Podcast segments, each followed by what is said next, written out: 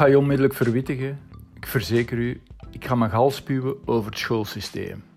Deze veertiende episode van de Let's Talk About Plus Micro podcast wordt een giftige. Waarom het huidig schoolsysteem niet werkt. Hoe leer je kinderen of jongeren tot zelfs volwassenen een plaatsje veroveren in de 21ste eeuw, for God's sakes. Ondanks het feit dat we slechts een vaag idee hebben hoe de markteconomie er pakweg binnen vijf of tien jaar gaat uitzien, we gaan een toekomst tegemoet door te doen wat we in het verleden altijd deden. En dat is het probleem. Dus waarom zouden we nog naar school gaan, hoor ik er veel denken. En je kunt ze moeilijk ongelijk geven. Hè?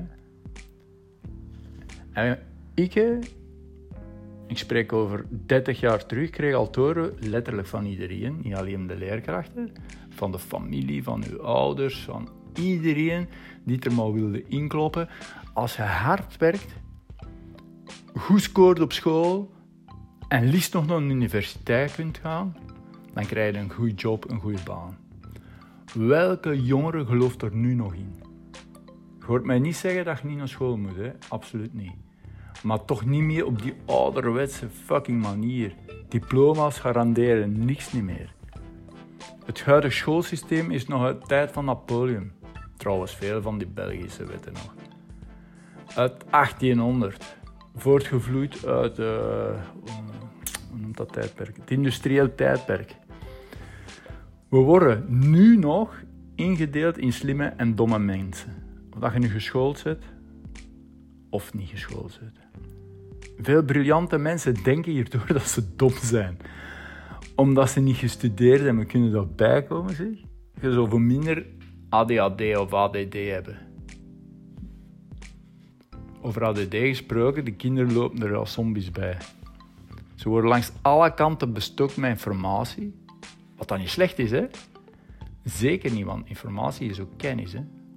Is wat je ermee doet. Informatie, games, smartphones, advertenties, tv, Netflix, ze worden constant getriggerd.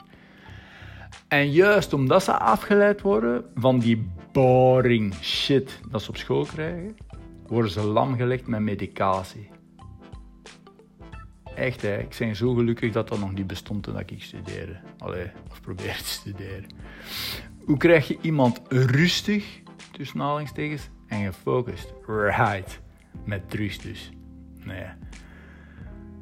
Dus ja, Sir Ken Robinson stelt het als volgt voor. We doen er beter aan die kinderen of jongeren, zelfs die volwassenen, wakker te schudden.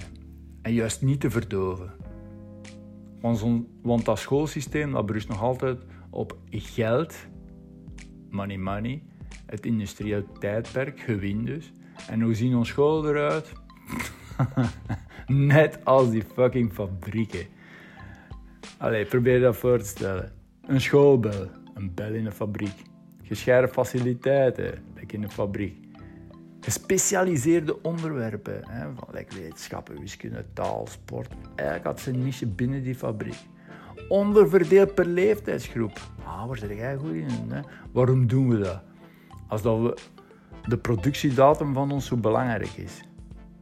Hebben kinderen van hetzelfde niveau, voor, by the way, alle vakken tegelijkertijd op hetzelfde tijdstip als individu of in de groep, allemaal datzelfde niveau? Als je iets wilt bijleren, start er niet vanuit die fabrieksmentaliteit. Niet met die standaardtests. Succes en de groei ligt in een andere richting. Compleet tegenovergestelde richting. Anders denken, out of the box is de key. Complexe problemen samen oplossen. Creativiteit, noem maar op.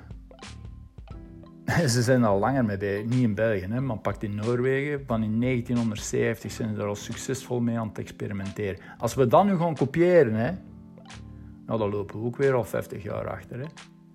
Dus er moet echt iets gedaan worden aan ons schoolsysteem. Maar ja, ik ben niet slim genoeg. Ik heb niet gestudeerd, ik heb geen diploma. Oké, mannen. Bedankt voor het luisteren. Dat was een bittere pil, maar moest uit mijn zich zijn.